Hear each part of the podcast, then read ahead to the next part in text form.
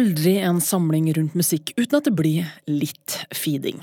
Snakk igjen, Alexander. Det skal litt til for at alle hører alle når musikkredaksjonen i NRK P1 skal samles til sitt ukentlige mandagsmøte. Fire sitter nemlig i Trondheim, to er lokalisert i Oslo og én er i Bergen. Og i dag er jeg der også, som flue på veggen. Vakker på Jeg må ha en ny overgang, for det er ikke noe her. Etter at det tekniske er løst, senker stillheten seg, og det blir nærmest en sakral stemning i rommet når de sammen sitter og lytter på nye musikkutgivelser som gjerne vil spilles på Norges største radiokanal. Begynner vi med Sigrid og 'Strangers'.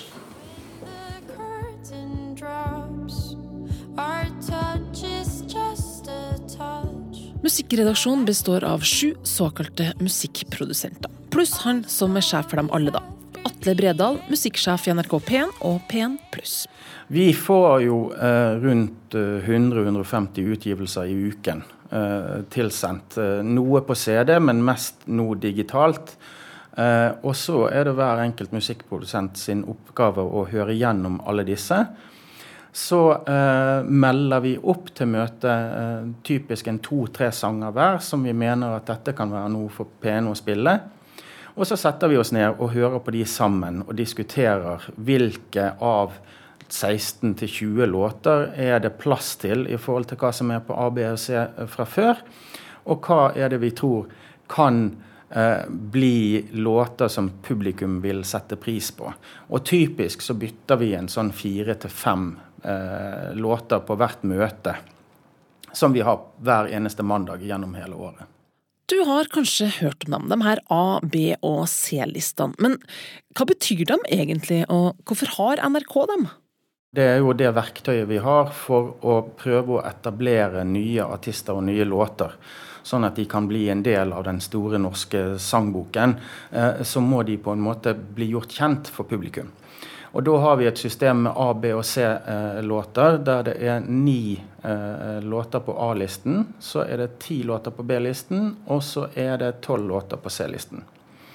Og de spilles, eh, A-låtene de som spilles eh, klart mest i P1, de spilles 14 ganger i uken. Og så har du eh, C-listen i det andre enden, som spilles én gang om dagen. Og de, både C- og B-låtene, eh, for at vi skal kunne løfte noe opp på A, så må de starte på B eller C. Og de spiller vi da fra nitimen og utover dagen. De spilles ikke om morgenen. Eh, vi spiller stort sett eh, etablert musikk om morgenen fordi vi vet at folk gjerne vil ha noe de har hørt før om morgenen. da. Men etter at eh, da eh, en, uh, en, låt har vært på C-listen, blitt flyttet på B-listen, så kan vi flytte den opp på A-listen. Og da spiller vi den òg om morgenen. Og så er det en fin balansegang i forhold til når har vi spilt den lenge nok til at publikum syns at dette er fine greier. Og når vi, begynner vi å bikke over til at vi spiller den for mye, sånn at folk går lei. Det er jo det store, det, det, det store, spørsmålet som vi jobber med hele tiden. Eh, og det er vel der vi òg kan få kritikk innimellom. Hvis vi spiller noen av låtene for lenge, sånn at folk faktisk går lei de. Eh, så det prøver vi å passe på så godt som overhodet mulig. Og da, En A-listesang kan altså ikke spilles mer enn 14 ganger i uka. Så når folk sier at 'å, jeg hørte den sangen 1000 ganger denne uka', så tar de feil. Det gjør de. Eh, men det vi òg vet, er at altså, det er ni sanger på den A-listen. Og, og, de fire-fem du liker veldig godt, de kunne vi godt ha spilt dobbelt så mange ganger den uken. Men den ene som du henger deg opp i og ikke liker, den syns du at kommer altfor altfor ofte. Og du tenker at den spiller de gang på gang på gang. Men det er ikke sånn. Vi sitter jo med systemene våre og, og, og ser og passer på at det ikke spilles mer enn to ganger i døgnet. Og da skal du virkelig være oppe og høre mye på radio hvis du skal få med deg alle de 14 gangene i løpet av uken. Men sjøl om to ganger om dagen kanskje høres mye ut, så er det meste som spilles i P1 ikke listemusikk. ABC-listene eh, utgjør ca. 5 av, av, det vi sender. Så eh, vi spiller veldig mye annen musikk. Eh, og det vi gjør da, er at vi eh, sier at i løpet av tre sanger på P1, eh, så skal du høre i hvert fall to som eh, du har et forhold til fra før. Sånn at vi pakker inn de helt nye låtene som publikum ikke har hørt. med noe kjent både før og etter.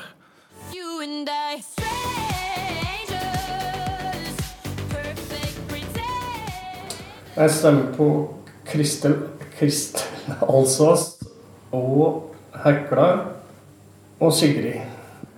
Sigrid og Kristel Alsos. Jeg stemmer på Line Dybedal, Sigrid, Kristel Alsos og Hekla Stålstreng. Det går effektivt og demokratisk for seg. Alle stemmer på sine favoritter, og flertallet bestemmer.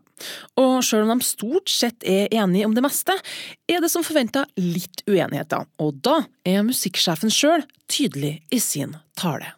Det er så falskt, det at eh, det er nesten litt sånn flaut.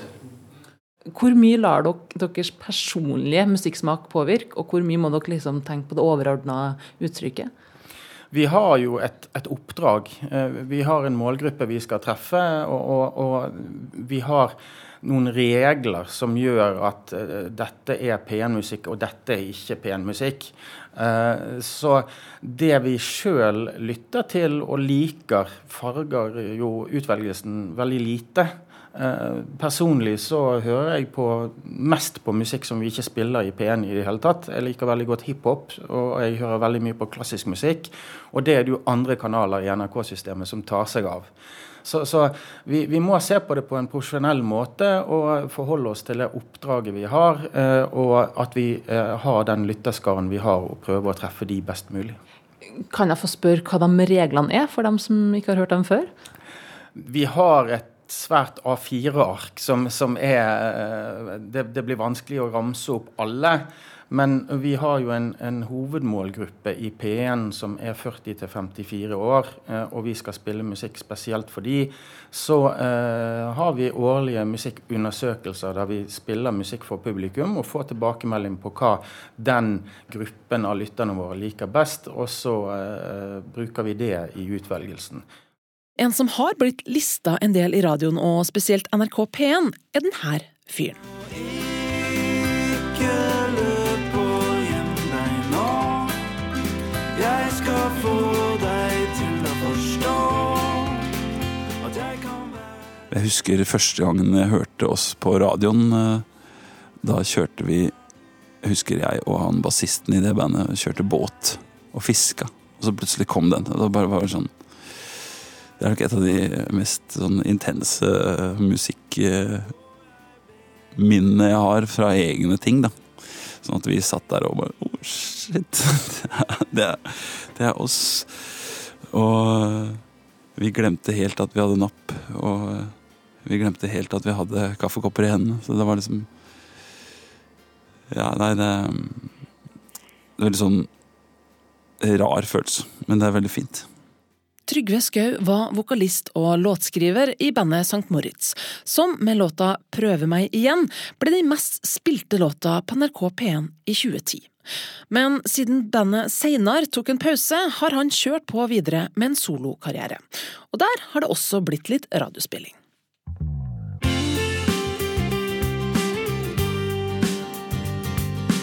Herfra ser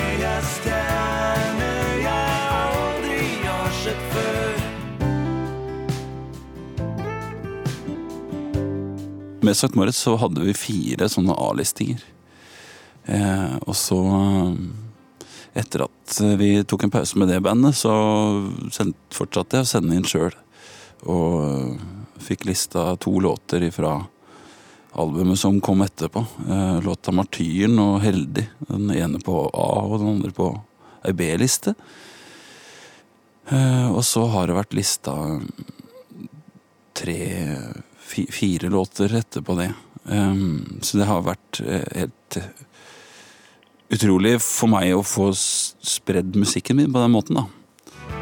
Hvorfor jeg var så heldig å få deg. Det har nok eh, betydd veldig mye for meg, og for da det bandet som jeg hadde med som het St. Moritz, som vi ble lista med for første gang.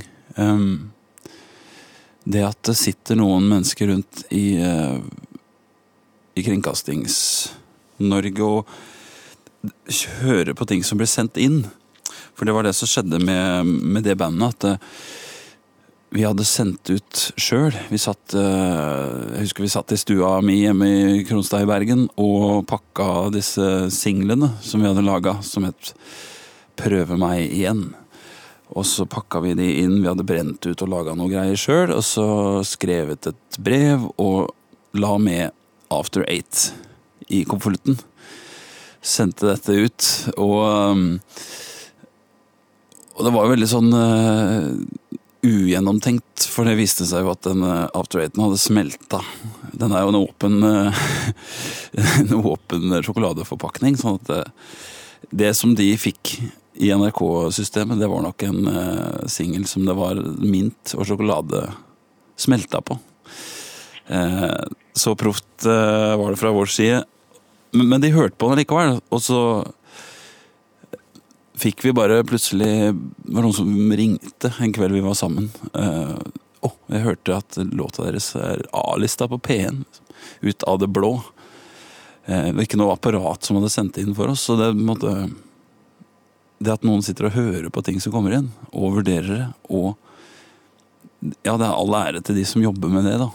Eh, Så det er bare tull, det der at man må kjenne den og den og den for å få noe ting gjort her i verden. På en måte. Det er et system som fungerer sånn. Og det, det betydde veldig mye for oss at vi bare snappa opp der, og så plutselig hadde folk begynt å høre det. Hvis du ikke hadde blitt spilt på radio, har du liksom sett for deg hvordan det kunne bli Eller hvordan det kunne ha blitt hvis du ikke hadde fått inn noen av eh, sangene dine og musikken din? Ja, det tror jeg hadde vært eh, en mye lengre prosess for å komme dit at jeg i dag kan leve av å reise rundt og spille og synge. Um, fordi eh, det å bli lista sånn ut av det blå for oss som hadde sendt inn sjøl og på en måte gjort alt det der, det um, gjorde at vi plutselig satt med noen gode kort på hånda da, overfor et plateselskap. Eh, sånn at eh, i stedet for å måtte gå med lua i handa inn på kontoret der, så kunne vi gå inn og si eh, du, han, han fra det plateselskapet har tilbudt oss det, hva er det dere kan tilby oss? Eh, og så fikk vi på en måte lov å være på en side av eh, forhandlinga som er litt gunstigere da, for en artist enn det kanskje er i utgangspunktet, når du kommer fra Ingesteds hen eller Granskauen og, og spør pent har du lyst til å høre på noe jeg har laga. Liksom. Eh, og jeg merker det veldig på de som kommer på konsert også, at de har hørt det Det har en effekt på, på mine vanlige konserter. At det kommer mennesker som har plukka opp dette et annet sted enn de andre kanalene jeg eh, henvender meg til folk på. da. Enten det er Facebook eller Instagram eller hva det er. At det også dukker opp mennesker som har snappa opp musikken min på radio. Radio Norge. Til tross for avviklinga av FM og innføring av strømmetjenester, radioens død er et overdrevet rykte, og radioen spiller fortsatt en stor rolle når det kommer til å finne vår nye favorittmusikk. Vel, vi brukte et analyseselskap til å spørre nordmenn. eh, Vi hadde et representativt utvalg, så det, disse tallene holder vann, da. Vi er i dette tilfellet rettighetsorganisasjonen Tono. Tallene er fra en undersøkelse utført i sommer, og stemmen tilhører Willy Martinsen, kommunikasjonssjef i Tono. Og da spurte vi dem om mye, eh, men også eh, hvor oppdaget du sist en sang du ikke hadde hørt før, men som du likte. Og da troner jo radio soleklart på topp. Eh, 32% av nordmenn svarer da at dette var på radio de hørte det sist. Og dernest så er det YouTube på 12% altså fra 32 til 12% Og så kommer streamingtjenester på 11% og så kommer venner. Og dette er jo for, på et tverrsnitt av alder og, og regionalt og, og alt mulig. Eh, og så er det også verdt å merke seg da, eh, at eh, blant de eldste, eller vil si de fra 40 oppover, så er radio dominerende. Det er nærmest utelukkende radio de finner ny musikk på. Eh, men i aldersgruppen 12 til 17 år, der er det helt annerledes. Der er det venner og um, YouTube og streamingtjenester som er viktigste kanal. Eh, Og radio, der var det vel kun 12% av ungdommene som sa at det var på radio jeg sist hørte en sang jeg likte, som jeg ikke hadde hørt før. Og det kan jo tyde på at om noen år, da, 10-20 år, så har vi et, kanskje et helt annet eh, medielandskap. Tono deler som kjent ut penger til artister som har fått musikken sin fremført ulike plasser, som for eksempel i radio. Hvor mye penger kan man egentlig tjene på å få musikken sin spilt på radio? Ja, Det er litt som å spørre hvor mye koster en bil. Fordi eh, dette er Det avhenger av mange faktorer. En ting er hva slags radiokanal man blir spilt på. eh, Fordi Tono har en eh, modell som, eh, hvor vi avregner litt mer for spilling på kanaler med, med mindre musikk, og mindre hvis det er veldig mye musikk. Og dessuten så går det litt på hvor mange minutter man blir spilt på radio. Og så er det gjerne flere låtskrivere med en låt også, og da skal inntekter fordeles på de også. Så det blir vanskelig å si som, så mye kan du tjene, men så blir du spilt én gang, så får du litt. Blir du spilt mye, blir det mye. Så det mest lønnsomme er å skrive låta helt alene, spille inn hjemme alle instrumenter selv, og synge og gi det ut selv, da. Mm, ikke sant? ja, for hvis du har eh, Men kan du gi noen eh, Snakker vi om at de tjener en krone per avspilling, eller tjener de eh, enda mindre enn det? Hvis de får en låt som blir spilt på en eh, gjennomsnittlig kanal, hvis du bare finner sånn gjennomsnittlig tall. Vi får jo penger av NRK eh, årlig, og så ser vi på hva slags musikk som er spilt hvor, og så fordeler vi de pengene på det som er spilt. Og da kan vi i, ved slutten av et år se hvor mye det ble på, på hver kanal. Og hvis man blir spilt på f.eks. P2, så er det i overkant av en eh, hundrelapp per minutt. På P1 er det litt lavere, og hvis man blir spilt på en lokalradio, så er det mindre enn det, da. Men likevel mer enn hva jeg hadde forestilt meg. Er radioavspilling blitt det nye CD-salget, lurer jeg på. Men, eh, men det er ikke så mange av Tonos medlemmer som har Tono-inntekter på nivå med en sånn brutto industriarbeiderinntekt, for å si det sånn. Det er et veldig lite knippe. Det er vel rundt 40-50 stykker, sist jeg regna på det. Så det er noen få da som har gode inntekter eh, fra Tono, som er til å leve på, og, vel for det. Den store massen av eh, Tono-medlemmer og de som lager sjangere, er ute og spiller og prøver å bli spilt på radio, de kan ha ålreite inntekter, men det er ikke en årsinntekt, for å si det sånn. Så dette blir litt i tillegg til andre typer inntekter. Da. Det ser vi i praksis. Man, men nå snakker jeg om låtskriverinntekter, og hvis man i tillegg er artist, så får man jo eh, penger fra Gramo også. Og de har igjen sin egen eh, modell for hvordan de avregner penger, så, så det er vanskelig å si, da. Men Martinsen mener at radiospilling gir avkastning på andre måter enn i bare rene kroner og øre. Det andre er jo at man blir veldig synlig ut i et marked, og særlig i dag hvor det gis ut utrolig mye musikk, og hvor øh, kanskje nåløyet for nå til folk øh, ikke lenger er platekontrakten, men oppmerksomheten, så er radio kjempeviktig. Og radioene har et øh, stort ansvar, tenker vi da, i å hjelpe norske artister å nå ut til det norske publikum. For vi ser også på at konsertgjengere i Norge, det, man går mye på konsert. Og i motsetning til f.eks. streaming, hvor det er en liten norskandel. På konsertområdet så er det en stor norskandel. Det er overvekt av musikken som framføres på norske scener, er norskskrevet. Og dette henger sammen. Blir man spilt på radio, er det lettere å få spillejobber osv. Så, videre. så så at radio er viktig, og at radio har en viktig rolle også i årene fremover for norske artister, det er det ingen tvil om. Hva tenker musikksjefen i NRK, Atle Bredal, om denne påståtte effekten radiospilling har for konsertvirksomhet? Jo, altså vi, vi vet jo det at uh, å, å, få en uh, låt listet på en av NRKs kanaler betyr mye. Uh, og det er en fin måte å, å, bli kjent for et publikum på. det sier seg sjøl at det blir enklere å selge seg inn til en festival f.eks.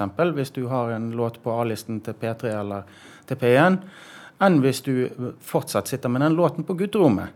For da er det jo ingen som vet om deg i det hele tatt. Så det er klart at det har mye å si for, for nye artister å, bli playlistet i, i radio. Men du har òg muligheten til å påvirke artistkarriere. Hvordan tenker du om det? Nei, Jeg tenker at det er et stort ansvar. Vi jobber jo for å styrke norsk kultur og, og, og musikkliv. Og så må vi være oss det ansvaret bevisst. Det er helt klart at uh, vi ikke kan ta uh, lett på den oppgaven. og Derfor så er vi også såpass mange uh, og, og, og gjør det i en demokratisk prosess når vi velger ut hvilke låter vi skal spille og, og, og, og prøve å gjøre kjent. Og så er jo det sånn at man gjerne oppdager ny musikk i radioen, men radio alene gjør ikke en artistkarriere. Så det er viktig at nye artister òg har mulighet til å komme ut og få spilt for publikum, og reise rundt og bygge seg opp en eh, fanskare, sånn at de, de kan eh, levere på dette over tid. Og så er det sånn at når vi har en A, B og C-liste som er 31 låter, så er det jo mange, mange flere låter som er ute til enhver tid. Eh, men vi kan ikke jobbe med alt hele tiden. Så, så det er klart at, eh, at eh, artistene er nødt til å gjøre en, en jobb sjøl og med det apparatet de har rundt seg. da. Tilbake på møterommet i november er det julestemning når den ene julelåta etter den andre spilles av. Det er mange som ønsker å få si julelåt på lufta, og Trygve Skau er en av dem. Så er det Trygve Skaug, ei stjerne som deg.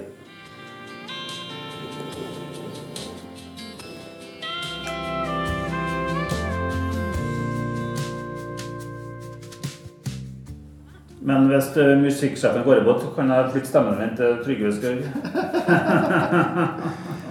Og i år kom Trygve gjennom nåløyet, og ble først C-lista og senere B-lista, som det heter på fagspråket.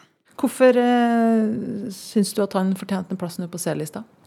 Nei, altså, Han er jo en veldig flink låtskriver. Han har et, eh, et lydbilde som passer kanalen vår veldig godt, og så skriver han gode tekster på norsk.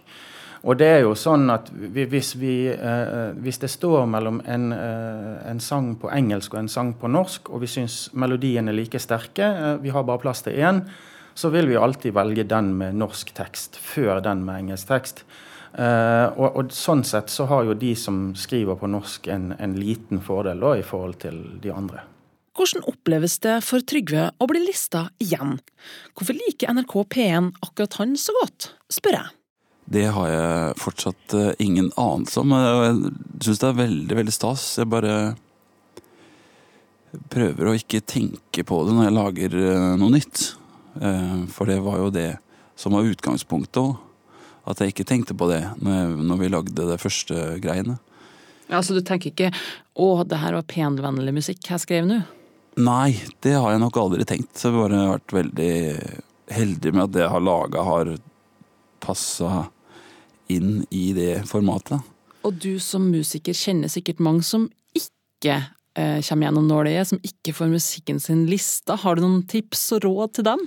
Nei, jeg har Det er ofte folk eh, for I og med at han har vært mye i lista, og vært veldig heldig med det, så spør andre som holder på, hva, hva Har du noen tips, liksom? Og da, da har jeg egentlig aldri det, for jeg har, har tenkt at hvis jeg går i den fella og tenker at jeg skal lage noe som skal funke på det eller det, så mister jeg det jeg lager låtene for, da.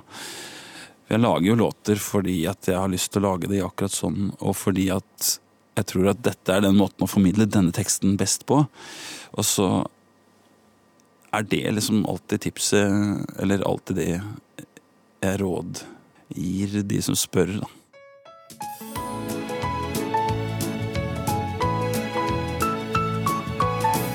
I morgen er det julaften, og kanskje er du møkk lei Chris Rees smått legendariske 'Driving Home for Christmas'.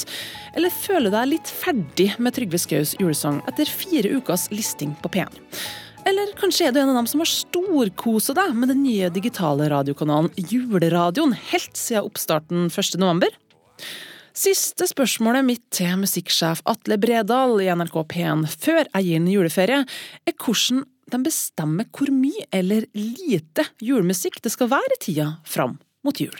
Vi eh, har over flere år eh, jobbet oss frem til eh, et system som gjør at vi starter å spille eh, Prøve å etablere noen nye julelåter eh, sånn typisk eh, i november eh, en gang.